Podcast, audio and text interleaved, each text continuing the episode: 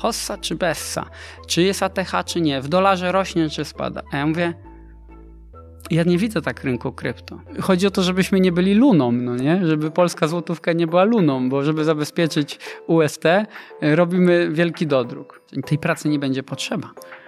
Dlatego jest ten pomysł na cały ten gwarantowany dochód podstawowy. No, no nie wygląda to dobrze. Wiem, że to nie wiem, czy to już brzmi jak teoria spiskowa, czy nie, ale chodzi o to, że, że tak, tak świat zaczyna wyglądać z, z ekonomicznego punktu widzenia. To, to na Ukrainie gwarantowany dochód podstawowy, teraz w Polsce, w Stanach Zjednoczonych jest 35 miast, gdzie jest, są programy dla różnych grup społecznych wdrażane. Jeżeli interesuje Cię biznes, przedsiębiorczość, pieniądze, zasubskrybuj nasz kanał i kliknij dzwoneczek. Partnerami przygód przedsiębiorców są SoFinanse, eksperci w dziedzinie finansów, IBCCS Tax, spółki zagraniczne, ochrona majątku, podatki międzynarodowe, Komarch ERP XT, fakturowanie, księgowość, sprzedaż w jednym programie online, Mercaton Asi, inwestycje z pozytywnym wpływem, RocketJobs.pl, portal pracy przyszłości, gdzie znajdziesz nowych członków Twojego zespołu. Linki do partnerów znajdziecie w opisie filmu. Dzień dobry drodzy widzowie, Adrian Gorzycki, Przygody Przedsiębiorców. Witam Was w kolejnym odcinku naszego programu, gdzie tym razem ponownie naszym gościem jest Kamil Gancarz. Dzień dobry. Dzień dobry Adrianie, dzień dobry Państwu. Słuchaj, takie pytanie rozgrzewkowe. Nie sposób to nie zapytać. Jak oceniasz to, co się obecnie dzieje na rynku krypto? Mhm. E, mamy swój taki trochę Lehman Brothers moment, y, czyli takie wydarzenie, gdzie zaczęli się ludzie zastanawiać, co dalej z tym rynkiem. To jest po pierwsze. Mówimy tutaj oczywiście o sytuacji na Terra Luna, tak, na oczywiście. tym projekcie, e, ale to chyba nie chodzi tylko jakby o ten projekt per se, w sensie token, jakby Luny, Chodzi o ten projekt, co za nim stało, czyli stał za nim algorytmiczny stablecoin, czyli jedna z kategorii stablecoinów, pewnie można pewnie zrobić trzy czy cztery kategorie y, stablecoinów. Pierwsze stablecoiny, które są oparte o mm, aktywa zabezpieczone na rachunku bankowym w postaci jednego dolara, czyli jeden jakiś token dolarowy równa się 1 dolar na rachunku bankowym, audytowanym, sprawdzonym, może nadzorowanym, może nie, ale na rachunku bankowym z jakimś tam konkretnym audytorem, najlepiej jakimś licencjonowanym podmiotem albo z jakimiś uprawnieniami, albo dobrze znany na rynku. E, drugi rodzaj e, tokena to może być token, który jest oparty o zdecentralizowaną technologię, ale posiadającą jakieś aktywa w sobie. Czyli y, to jest y, na przykład takim tokenem jest DAI, MakerDAO, ta zdecentralizowana organizacja. Ona posiada w zabezpieczeniu y, tokeny, inne stablecoin, na przykład USDC, ale posiada też Ethereum i ma tak zwane w zabezpieczenie większe niż, niż swoje zobowiązania, tak? czyli jest over collateralized, czyli ma zabezpieczenie znacznie większe niż wartość tego zobowiązania wynikające z wyemitowanego tokena. Czyli załóżmy nie, nie wiem, czy podaję teraz prawidłowe liczby w stosunku, jak to jest ułożone, ale załóżmy, że mamy 100, 100 dolarów emitowanych, no to na to jest 120 e, e, zabezpieczenia w wartości rzeczy, które tam są i są mechanizmy likwidacji, czy, czyli liquidation, protokoły, które pozwalają po prostu sprzedać te aktywa na rynku, żeby odzyskać tą wartość i skupić ten token, a wtedy może on być umorzony. No więc to jest drugi rodzaj tokena, który jest algorytmiczny. Trzeci rodzaj tokena to jest token, który jest oparty na jakimś mechanizmie e, związanym z, nie z zabezpieczeniami w postaci aktywów zgromadzonych, ale właśnie jakimś metodologią arbitrażu i takim właśnie tokenem była Luna, gdzie to za Lunę się tworzyło nowe tokeny UST, albo jak one spadały na wartości, to się tworzyło nową Lunę i za to się skupowało token UST, żeby ten PEC utrzymać. PEC, czyli to powiązanie algorytmiczne, powiązanie 1 do 1 do dolara. Tak? Oczywiście z każdy z tych stablecoinów ma, zasad, na, ma zasadę posiadania PEG-u, ale y, no, musi to być y, w jakiś sposób egzekwowane. No i może być to arbitrażem, czy taką e, sytuacją. Jest to bardzo, bardzo ciekawe, żeby był taki zdecentralizowany token, ale mm, no, on się nie powiódł, tak? Nawet pewnie dzisiaj patrząc nie miał, ja też wcześniej go nie analizowałem, muszę się przyznać, że pytano mnie wielokrotnie o Lunę, ja mm, zawsze mówiłem, że nie poświęciłem wystarczającej ilości czasu, nigdy nie polecałem tego projektu, ale chciałbym, no nie, nie poświęciłem tyle uwagi, żeby stanowczo się wypowiedzieć negatywnie na ten temat, czy pozytywnie, tak, y, też. E, I ale co się ważnego stało, że jeden z tych typów, czy może jeszcze czwarty będzie oparty o inne aktywa, które mają wartość niekoniecznie o samego bezpośrednio dolara na klasycznym rynku finansowym, więc powiedzmy, że może być jeszcze czwarty rodzaj tokena, mm, stablecoina, e, albo czwarty czy piąty jeszcze CBDC, czyli Central Bank Digital Currency, czyli już token po prostu emitowany przez sam bank centralny już zabezpieczony mechanizmami, tak jak zwykła waluta fiatowa, więc 4-5 rodzajów możemy wy, wy, wyszczególnić tokenów, stablecoinów. No i Mamy jeden z, token, z tokenów, który projekt Luna 40 miliardów kapitalizacji. Nie pamiętam ile UST miało w szczytach kapitalizacji, ale był też znaczącym stablecoinem. Kojarzy się jeden do jednego, ma być stabilny, mm, jest eksperymentem, ale ludzie no, no, inwestują tak jak z innymi tokenami stable, czyli tam nie może spaść. No i to się rozsypuje. To jak to świadczy o rynku, prawda? Możemy wyciągnąć sobie negatywne wnioski. Poza tym mechanizmy, które za tym stały, mm, doprowadziły do tego, że skoro spadał ten PEK, to trzeba było emitować nowe luny i tak z 400 y, milionów tokenów zrobiło się 6,5 miliarda czy biliona tokenów. Już nie pamiętam jaki tam był ten rząd wielkości, także przepraszam, że aż o 10 do trzeciej się tutaj e, potencjalnie podaje ten przedział, ale e, chodzi o to, że to urosło w kosmicznych ilościach ta podaż, no więc dlatego cena musiała spaść do E, do, do, do żadnej ceny, prawda? Do, do, do tam półtora miliarda kapitalizacji z 40 miliardów kapitalizacji, a już pojedynczy token to tam dąży do, do zera, prawda? W, w, granica jest w zerze. Mm, no i upada coś, co jest, co powinno być stabilne, bo ile sama Luna jakby spadła, to jeszcze inna sprawa, ale upada ten token i zaczyna się pytanie, tak jak z Lehman Brothers, kto następny? No właśnie, kto?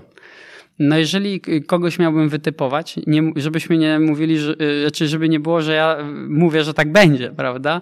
Ale po prostu obstawiasz. Jeżeli bym miał wytypować gracza, który na takiej samej sytuacji mogłaby się wydarzyć jak US, UST, to będzie USDT, czyli Tether.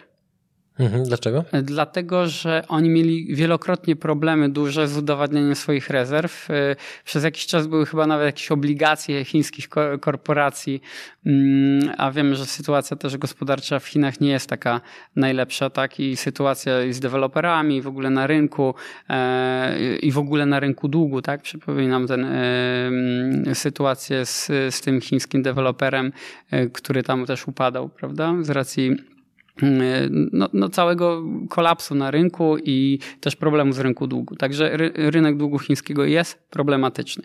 Ostatnio widziałem, że tylko y, też nie wchodziłem w to dokładnie, y, widziałem, że Tether pokazywał swoje, y, swoje bi, bilanse i że, że ma na to pokrycie, czy ma nawet większe pokrycie, tylko pytanie w jakiej klasie aktywów i czy rzeczywiście to nie jest jakiś zabieg księgowy.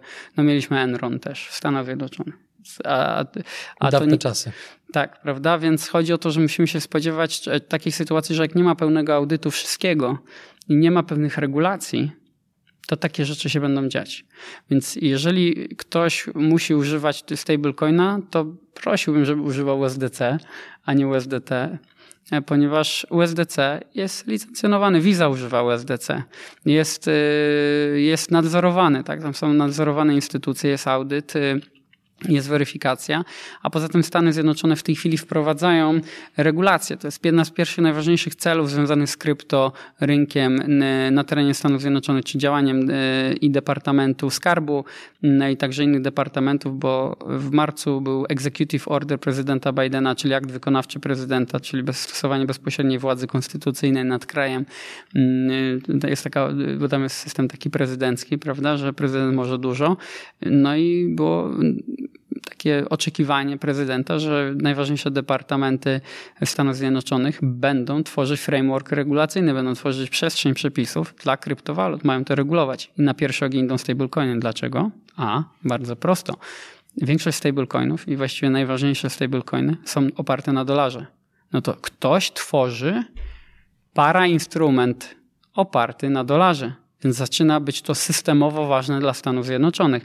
Mm, pani Janet Yellen e, była nawet przed kongresem przesłuchiwana i padło pytanie, czy jest to zagrożenie systemowe e, te stablecoiny. No i na razie odpowiedziała, że nie ze względu na rozmiar tego rynku, ale ten rynek będzie zagrożony. To znaczy urośnie, czyli oni wiedzą, że to urośnie, że będzie więcej stablecoinów, będzie większa kapitalizacja całego rynku krypto, Hossa czy Bessa, prawda? To już trochę o, o, regulatorzy amerykańscy wiedzą, w którą stronę idzie rynek, żeby, żeby była jasność i oni to traktują w kategoriach ryzyka dla dolara amerykańskiego, więc nie dziwmy się, że Stany Zjednoczone chcą regulować, jak krąży ich pieniądz de facto albo pochodna z ich pieniądza po całym świecie, a to jest możliwość przesyłania środków finansowych, na przykład za pomocą sieci Ethereum, czy za pomocą Trona, bez bez niczego. Bez sankcji, bez e, compliance, bez ograniczeń, bez zbędnych pytań. W sekundy można przenieść miliard dolarów i przelew dojdzie na pewno. Mhm. Nie będzie szedł 14 dni czy 7.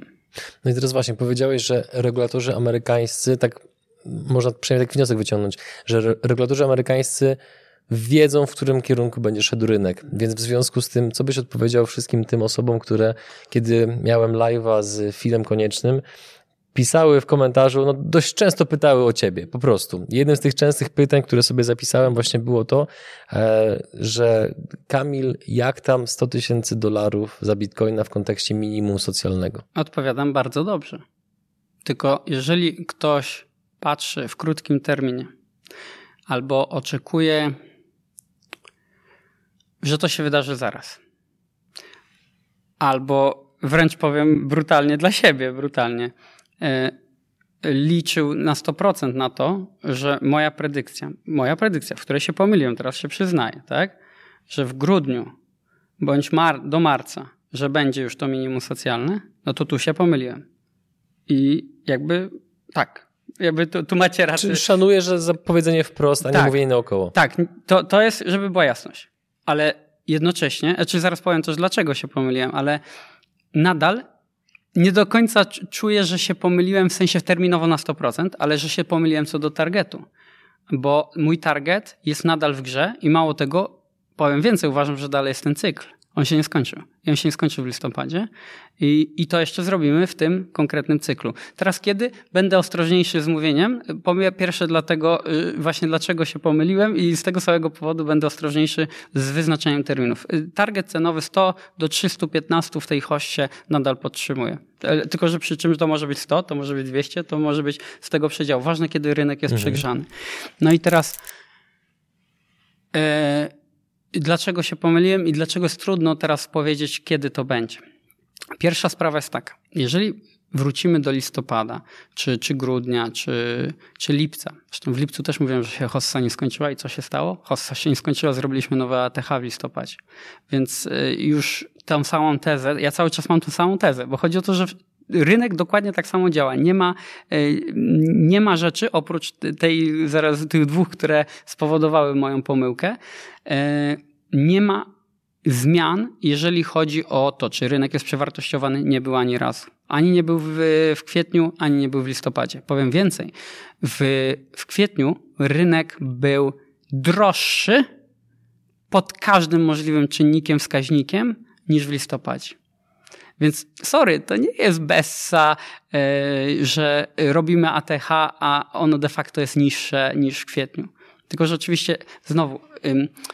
Co jest tu istotnego? Zaraz jeszcze opowiem o tych dwóch przyczynach pomyłki, mhm. spokojnie, bo do tego musimy dojść. Jasne. Chodzi o to, że większość ludzi y, zadaje pytanie, czy rozpatruje tylko popatrząc na wykres ceny. Hossa czy Bessa? Czy jest ATH, czy nie? W dolarze rośnie, czy spada? A ja mówię, ja nie widzę tak rynku krypto.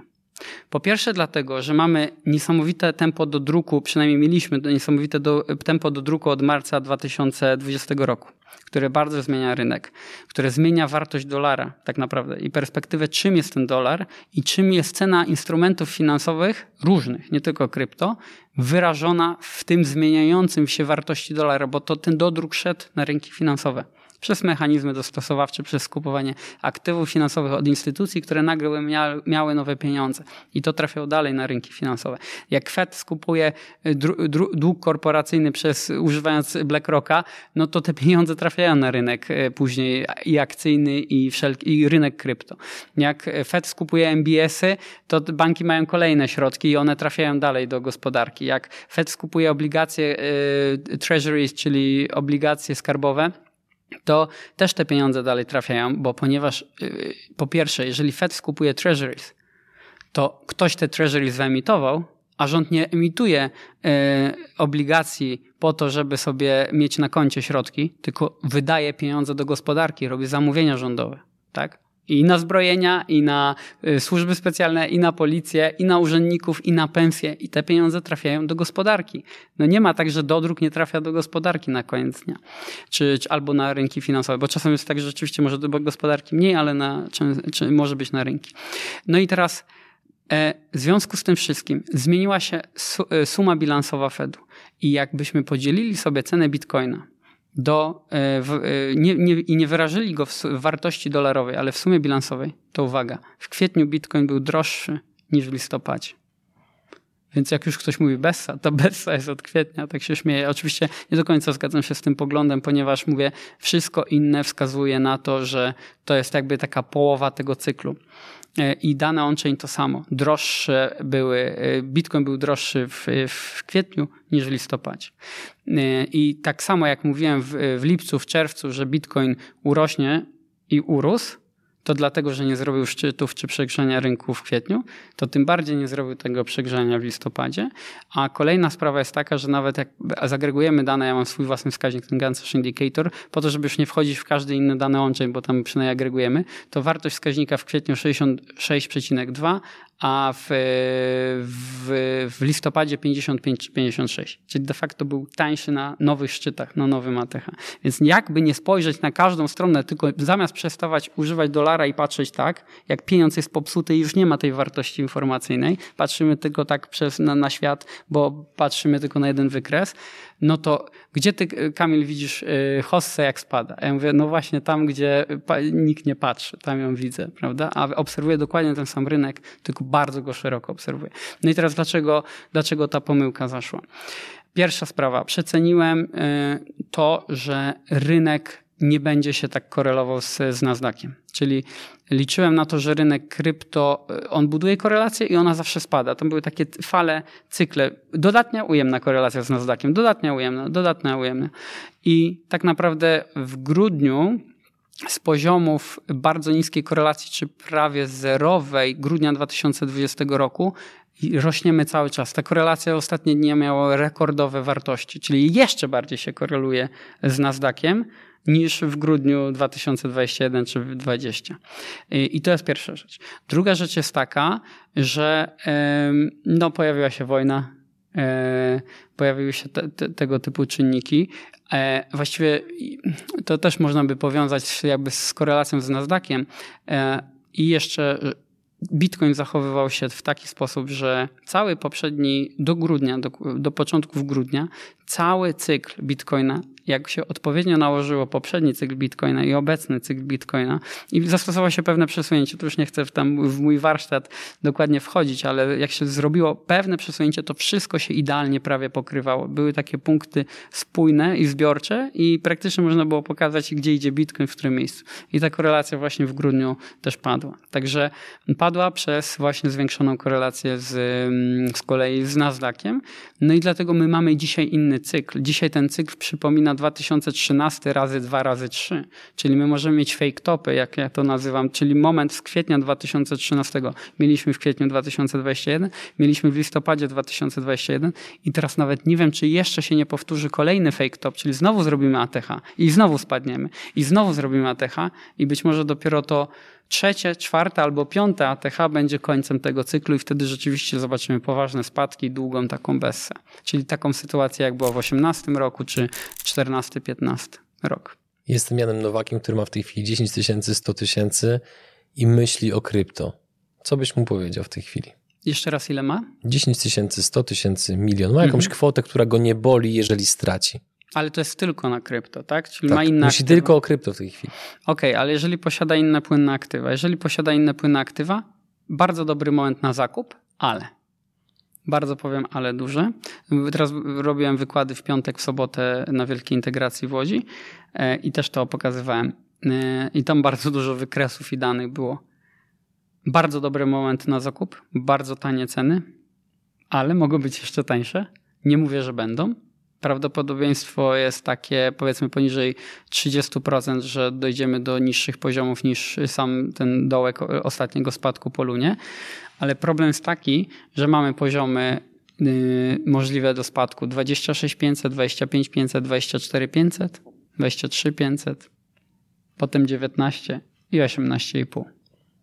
Nawet nie 20. 20 tam nie, nie ma co się obronić. Jak się analizuje dane on-chain, to po prostu jeżeli spada poniżej 23500, to już może nawet do 19 jechać. Tak to wygląda. Także bardzo kluczowy, bo 23500 to jest też 60-tygodniowa wykładnicza średnia krocząca y, i ona nigdy nie została przerwana. I bardzo często tutaj rynek zawraca, więc to 23500, jeżeli byłoby przerwane, to, to jest y, bardzo silny sygnał. Mm, I, I wtedy mamy y, trzecie odchylenie standardowe na 18500, jeżeli chodzi o ostatnie, yy, ostatnie no ponad rok, jak sobie analizujemy, bo, bo ja tak może mniej analizą techniczną, chociaż średnie kroczące są analizą techniczną, ale dużo robię takich zabiegów statystycznych i, i patrzę na to. No plus dane on-chain to dokładnie te same poziomy potwierdzają, bo ważne, gdzie jest akumulacja zrobiona. I poniżej tej akumulacji będą, e, jeżeli jest bardzo duża akumulacja, to będą podmioty dokupować. Jeżeli nie ma nic, a nie ma nic pomiędzy 23500 praktycznie takiego rozbudowanego e, zasobu mm, bitcoinów w tej cenie, no to będą kupować dopiero przy niższych poziomach. A widzisz jakikolwiek scenariusz, w którym bitcoin może spaść poniżej 10 tysięcy dolarów? Nie widzę tego. Ale może spaść poniżej 20, chociaż to się nigdy nie zdarzyło, że spadło poniżej swoje poprzednie ATH. To, to, to jakby z poprzedniego cyklu. Ale patrząc, jak wyglądają dzisiaj dane on-chain, no to niestety nie mogę tego wykluczyć, dlatego mówię, że będą ludzie zdziwieni, że jeżeli będzie tak spadać, jeżeli, tak, ja nie mówię, że to jest ten kierunek, bo twierdzę nadal, że są dobre momenty do akumulacji, ale żeby każdy, kto teraz akumuluje, patrzył też na ryzyko, zresztą zawsze mówiłem o ryzyku, że Bitcoin to i lubi spaść 85% od szczytów, także o tym też nie zapominajmy. Na jakie alty warto zwrócić uwagę w najbliższym czasie i dlaczego? Myślę, że to jest pytanie, które się kołata wielu osobom w głowie, więc no, no właśnie się ich reprezentować. Przy, przy, przy altach to, to odpowiem brutalnie, bo ym, y, zastanawiam się, czy wiele osób nie jest takich przerażonych tym spadkami na Bitcoinie. Nie przez to, że Bitcoin spadł i nie przez to, że miało być 100 tysięcy do marca, tylko przez to, że oni to nie wykorzystywali tej, tej wiedzy, żeby inwestować w bitcoina, tylko wykorzystywali tą wiedzę, że skoro bitcoin będzie za 100 tysięcy, to za ile będą malty.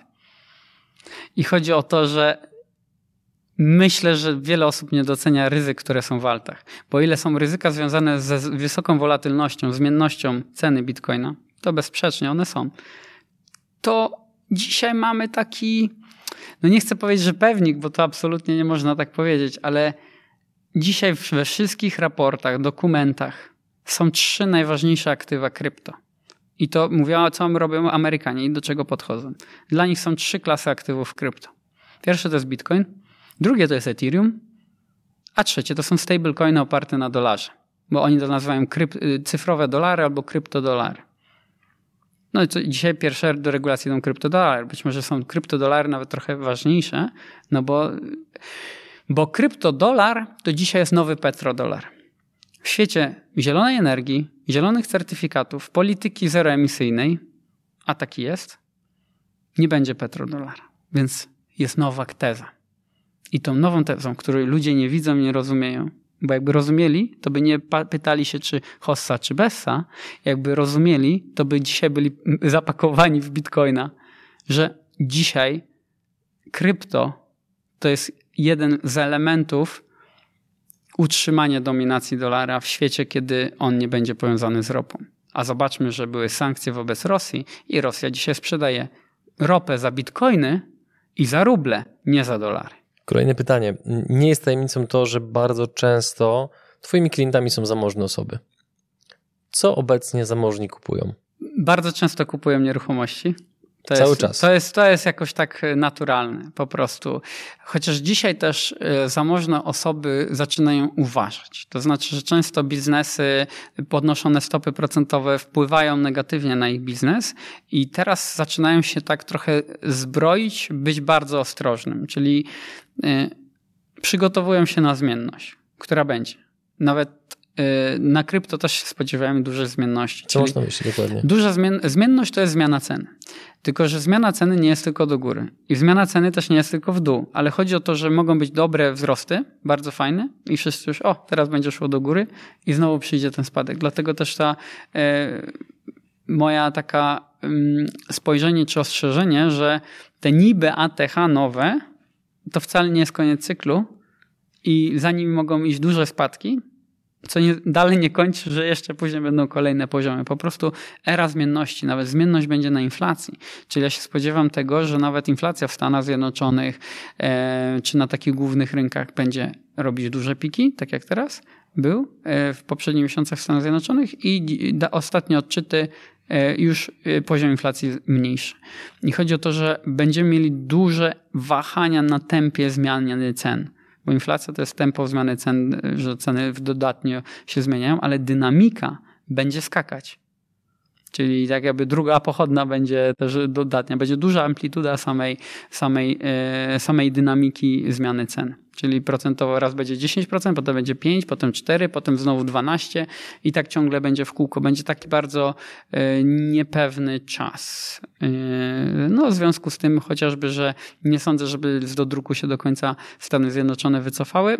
Stopy mogą jednocześnie po, po podnosić, ale też myślę, że kryzys gospodarczy to wywoła i czeka nas mm, też recesja w realnej gospodarce, nie tylko na rynkach finansowych. Powiedz proszę, na co nikt nie patrzy, bądź mało osób patrzy w kontekście gospodarczym, jeżeli chodzi o wojnę? Po co ona jest? Po co? Mm, że jest elementem podobnej długoterminowej gry po którym była, e, były lockdowny, po które jest wprowadzenie CBDC, 97 aktywnych projektów na świecie. Aktywnych w tym sensie, że nie już e, jakby wdrożone, bo dwa są wdrożone, ale 97 e, aktywnych projektów na etapie researchu, proof of concept albo takiego pilotażowego wdrożenia. Gotówka zniknie, będą cyfrowe aktywa, więc jak ktoś nie lubi kryptowalut, to po prostu będzie miał i tak cyfrowy pieniądz. Już dzisiaj ma cyfrowy pieniądz. Zapytam się widzów, ile mają przy sobie w tej chwili w portfelu, nawet na półce w domu, jeżeli leży, czy na stoliku przy wejściu, ile tam jest gotówki w portfelu versus to, ile jest jakby dostępne na karcie, prawda? Czy to płatniczej, czy kredytowej. No i, i tak pozyskuje, i tak większość ludzi posługuje się dzisiaj bitami informacji. Tylko, że jest alternatywa, można wypłacić z banku gotówkę. No i w przyszłości tego nie będzie można zrobić. I chodzi o to, żeby no, kontynuować taką politykę zmiany systemu monetarnego, finansowego. Mm, w Polsce już wchodzi gwarantowany dochód podstawowy, e, jakby testowo. Na Ukrainie wprowadzono to przed wojną, e, jeszcze powiązaniu z zielonym certyfikatem, wiadomo jakim. E, więc czasy są związane z tym, trochę się chyba kończą też, albo nie, inaczej, złe słowo, nie to, że się kończą, ale dla osób, które jeszcze nie zbudowały majątku, zagartyka. Czyli będzie dużo trudniej e, budować majątek, dużo trudniej będzie zarabiać.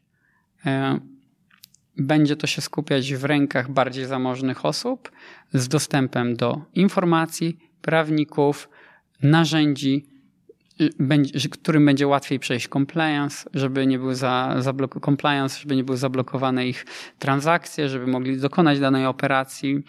E, zresztą myślę, że ten proces w ogóle jest widoczny w gospodarce. RODO, prawda? Wdrożenie RODO jakie są kary za nieprawidłowe prowadzenie polityki RODO. Wiele osób nie docenia. Nawet tutaj, jeśli są przygody przedsiębiorców i przedsiębiorcy nas oglądają, pytanie, czy naprawdę macie dobrze zaudytowaną swoją politykę RODO. Wiele osób nie, nie mm, ich firmę można byłoby zniszczyć, jeżeli konkurencja chciałaby przeprowadzić atak, jeżeli by wykorzystała chociażby takie rzeczy, tak jak RODO. No więc duże przepisy, do często małego przedsiębiorcy. Nie da się tego zarządzić w małej firmie. Nie da się zaraz, zaraz będzie tak, że się nie da mieć małej firmy.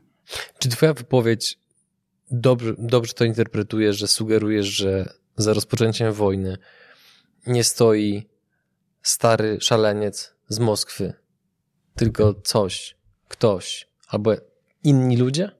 No wiesz, jak powiem tak, to będę, wiesz, wariatem, tak? Ale yy, czy, czy postrzeganie będzie takie? Chcę odpowiedzieć, że rzeczy nie dzieją się przez przypadek w polityce. To taka stara zasada. Yy, I yy, no nie dzieją się rzeczy niezaplanowane, nieprzemyślane powinienem podrążyć, ale jakby wiem, kiedy powinienem skończyć pytać. E, idąc, idąc jeszcze dalej, powiedz, bo rozmawialiśmy o tym chwilkę jeszcze przed mm, rozmową, przed nagraniem.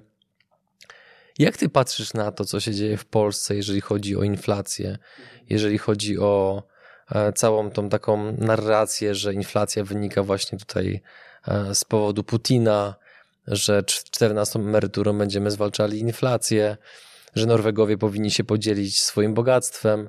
Bogactwo bierze się z pracy. A nie z bankomatu. A nie z dodruku. Naturalne jest, że nie zawsze dodruk działa na inflację. Właśnie inflacja to jest takie dziwne stworzenie, które naprawdę ciężko ująć na poziomie banku centralnego, ekonomii, zawsze tylko opisać i wszystko jest. Jest tako, bank centralny drukuje pieniądze w Stanach Zjednoczonych, drukuje, drukuje, drukuje, nie ma inflacji. Nagle przychodzi lockdown, e, zaburzenie łańcuchów dostaw, mamy szok podażowy, i ceny dopiero zaczynają rosnąć. Czyli czasem nie wystarczy drukowanie kasy na lewo i prawo. Oczywiście wtedy jest inflacja w tych instrumentach finansowych, bo ona była. Ale nie było porządnej bessy w ogóle na rynku yy, amerykańskim finansowym od, od 2008 roku, dopiero teraz, prawda? Yy, I jak to możliwe, że tak długo? To cykle średnio są 6-7 lat, tak jak patrząc, jakby uśredniając, jak to funkcjonowało, takie okresy wzrostu no i potem około 18 miesięcy spadków. Od 6 do 18 miesięcy trwały bez na rynku amerykańskim. A teraz jest tak, że ok, Nasdaq spadł 30%, ale tak S&P to się na tych 20 zatrzymuje, nawet żeby nie przekroczyło tej magicznej granicy, gdzie Bessa jest na rynku giełdowym, prawda, że 20% spadło. Chociaż y, są spółki w Stanach, które z Nasdaqa, które spadły 91%. Peloton na przykład. Więc są, są, są, są takie e, spółki, no ale właśnie inflacja jest takim dziwnym tworem, że zależy od bardzo wielu czynników i e, no umówmy się, no jeżeli rozdajemy pieniądze, nie pozwalamy ludziom pracować, pieniądz jest oparty o, o niczym, a potem to nic jest zamieniane e, w kolejne coś no to tak to wygląda, bo pieniądz jest walutą fiducjarną, opartą na akcie stanowionym, opartym na realnym produkcie społecznym.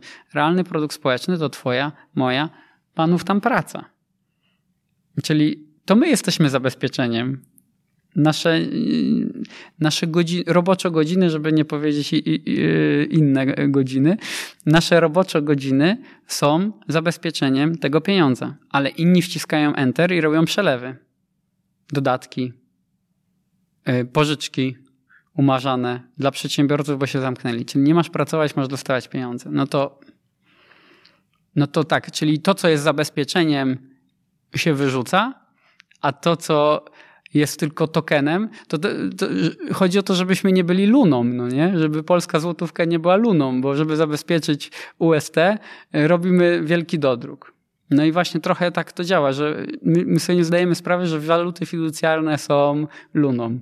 To rządzą nami aż, taki, aż tacy e, kretyni, czy są sterowani? System jest taki, bo znajomy królika e, po prostu są beneficjentami tego. Skąd były te zerowe stopy procentowe? Przecież uświadommy sobie, że w Stanach Zjednoczonych są zombie korporacje. Można sobie wygooglować, co to jest zombie, zombie firma to jest firma, która nigdy nie jest w stanie spłacić swojego zobowiązania i przy niskich stopach procentowych zarabia tyle, żeby pokryć swoje odsetki. I bez kolejnego zastrzyku y, umiera. Czyli to są zombie, po prostu tylko jadące na kroplówkach. System finansowy dzisiaj jest człowiekiem uzależnionym od heroiny. Jak nie dostanie w żyłę, no to za, się zapadnie, więc albo musimy go uśmiercić yy, yy, po prostu yy, w jakiś sposób i, i jakby powiedzieć, no, oczyszczamy z, z tych uzależnionych y, ludzi rynek, co, te, co robią normalnie kryzysy, niszczą te złe firmy. Kryzysy na krypto też zniszczą te projekty, które nie miały racji bytu, bo to, takich będzie większość na rynku krypto, żeby była jasność. Ale my nie robimy tego, żeby się, przynajmniej na, na rynku krypto to robimy, bo to jest jeszcze jakiś w miarę taki wolny rynek chociaż też manipulowane, ale, ale no nikt nie, nie, nie bitcoina nie, nie bailoutu nie robi, prawda, z banku centralnego jeszcze bitcoina. E, więc ym, nie ma kryzysu takiego w pełni. Firma, która powinna upaść, ma darmowy pieniądz albo tam bliski darmowemu, no bo podniesiono stopy procentowe, ale dalej są skupowane ich obligacje jeszcze przez bank centralny. No to jak właśnie w tej sytuacji ma się odnieść mała firma? Pytanie, czy masz darmowy pieniądz z banku centralnego? O, to jest przepis na biznes. Prawda? Albo jak nie darmowy, to tani i nieograniczony. Mm, więc, więc jaka rekomendacja dla młodych przedsiębiorców? Załatwcie sobie pieniądze z banku centralnego. Oczywiście to jest żart, prawda? Bo, bo wiadomo, że to jest dla i korporacji, dla odpowiedniego szczebla. Mm, ale chodzi o to, że zobaczmy, że z takimi podmiotami konkurują mniejsi przedsiębiorcy. Jeszcze w otoczeniu regulacyjnym, który generuje koszty, y, bez sztabu ludzi nie da się prowadzić biznesu y, na pewnym stopniu już, prawda? Czy wyobrażasz sobie taką sytuację, że w najbliższych latach na czele polskiej sceny politycznej staje człowiek, który nagle mówi słuchajcie, musimy skończyć z socjalami, a na pewno je bardzo mocno ograniczyć w sposób być może przejściowy, żeby nie było terapii szokowej dla sporej części społeczeństwa. Musimy zacząć bardziej promować pracę, przedsiębiorczość, innowacyjność, technologię i musimy wrócić na ścieżkę wzrostu opartą o realną pracę, nie rozdawanie pieniędzy. Przewidujesz taki scenariusz, czy kompletnie nie? A jeżeli nie, to czy zamierzasz nadal mieszkać w Polsce, a jeżeli nie, to gdzie? Problem jest taki, że boję się, że to wszystko już tak za daleko poszło, że zaraz technologia przejmie większość pracy. Czyli nie pracą i, i zakasaniem rękawów zbudujemy ekonomię, chyba że ktoś naprawdę by chciał jakby powstrzymać pewien wzrost i tej pracy nie będzie potrzeba. Dlatego jest ten pomysł na cały ten gwarantowany dochód podstawowy, bo jakby są technologie, które może nie zawsze są jeszcze w pełni wdrożone, tak związane z automatyzacją, sztuczną inteligencją, robotyką, e, machine learning, że coraz mniej ludzi jest potrzebnych do pracy, albo część, gorzej, coraz mniej się będzie nadawać do pracy. No to dla nich jest metaverse, VR, okularki, czy augmented reality, czy cokolwiek, Netflix, e, i te wszystkie rzeczy, żeby zajmować ich uwagę, albo nawet stworzyć takie Second Life, takie Simsy, żeby oni tam sobie spędzali czas. No, Ready Player One, ten film, prawda? Niestety to te filmy science fiction to trochę czasem takie instrukcje są na przyszłe lata, albo takie pokazywanie, co będzie, że mają trochę też inne znaczenie tylko niż rozrywka. E, I no, no nie wygląda to dobrze. Wiem, że to nie wiem, czy to już brzmi jak teoria spiskowa, czy nie, ale chodzi o to, że, że tak, tak świat zaczyna wyglądać z, z ekonomicznego punktu widzenia. To, to na Ukrainie gwarantowany dochód podstawowy, teraz w Polsce, w Stanach Zjednoczonych jest 35 miast, gdzie jest, są programy dla różnych grup społecznych wdrażane. Kraj, który był siedliskiem kapitalizmu, nasieniem kapitalizmu, jest, ma, ma więcej programów CBDC niż Polska. E, przepraszam, UBO, czyli UBI gwarantowanego dochodu osobistego. Mm. I yy, no po prostu to jest rozwiązanie. Zresztą ja pamiętam e, taką rozmowę na takim przedmiocie ekonomia zaufania na SGH. Właśnie o tym rozmawialiśmy, że, że nawet nie, nie, nie ma innej przyszłości niż gwarantowany dochód podstawowy przez technologię. Że ci, ci ludzie nie będą potrzebni do pracy. Będą sobie tam jakieś mieć swoją, tworzyć sobie kontent w wirtualnym świecie, zdobywać jakieś, no takie RPG będzie do, dla wielu osób. No bo, bo, bo świat może być piękny i taki wspaniały zaraz dla najbogatszych, a inni troszkę będą, no, limes inferior i te wszystkie rzeczy się zaczynają, znaczy być na horyzoncie widoczne. Nie mówię, że ziszczeć, ale być na horyzoncie widoczne. Zresztą, no mówię, limes inferior nawet kilka walut było. Przybliż tym widzom i słuchaczom, którzy nie wiedzą, co znaczy to pojęcie. Mm, limes inferior? Tak. Limes inferior to jest taka książka Janusza Zajdla, która powinna być obowiązkowa dla każdego widza tutaj tego kanału. Mm, zresztą, co ciekawe, ona mówi o urządzeniu, które ja buduję de facto. Także ona była nawet inspiracją. Przeczytałem tam w 2011 roku, a dzisiaj robię to urządzenie z tej książki, więc osoby, które zapoznają się z tą książką, będą wiedzieć, e, co, co, co robię w swoim startupie technologicznym. Czyli warto czytać. Ale nie, nie dlatego, żeby promować mój startup, tylko żeby zrozumieć, jak wygląda system kilku walut i jak wygląda podział społeczeństwa. I to jest oczywiście taka dystopijna wizja, ale niestety ta dystopia trochę się zaczyna dziać e, brutalnie na świecie. World Economic Forum, World Government Summit, szczyt światowego rządu w Dubaju. 2013 powstała organizacja, sprawdźcie na Wikipedii i zobaczcie, jaka jest na przykład, jakie są wykłady tam albo agendy. Jeśli ktoś rozważa wyprowadzkę z Polski, to jaki kierunek byś rekomendował i dlaczego? No właśnie ja jestem fanem Emiratów Arabskich, e, Szwajcarii, może niektórych krajów w Ameryce Południowej. To teraz już każdy musi sobie odnaleźć, gdzie się dobrze czuje. E, gdzie się dobrze czuje ten człowiek.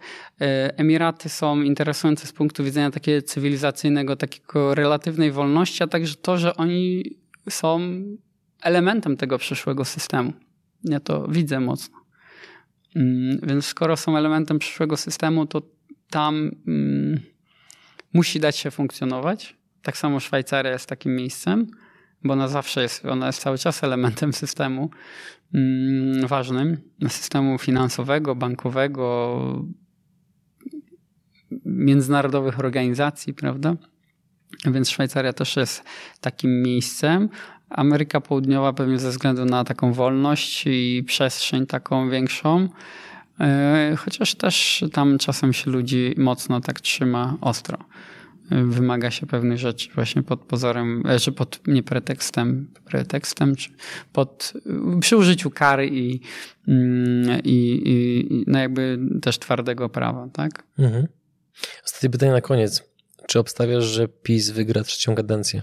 Ja się nie lubię wypowiadać na takie tematy polityczne pod kątem partii, czy, bo, bo mówię ogólnie o tym, jak to wygląda, a bezpośrednio się w politykę nie chcę angażować jakby pomiędzy, pomiędzy y, partie i jakby y, jak to wygląda, tylko pytanie, kto umie w politykę, kto umie to robić dzisiaj?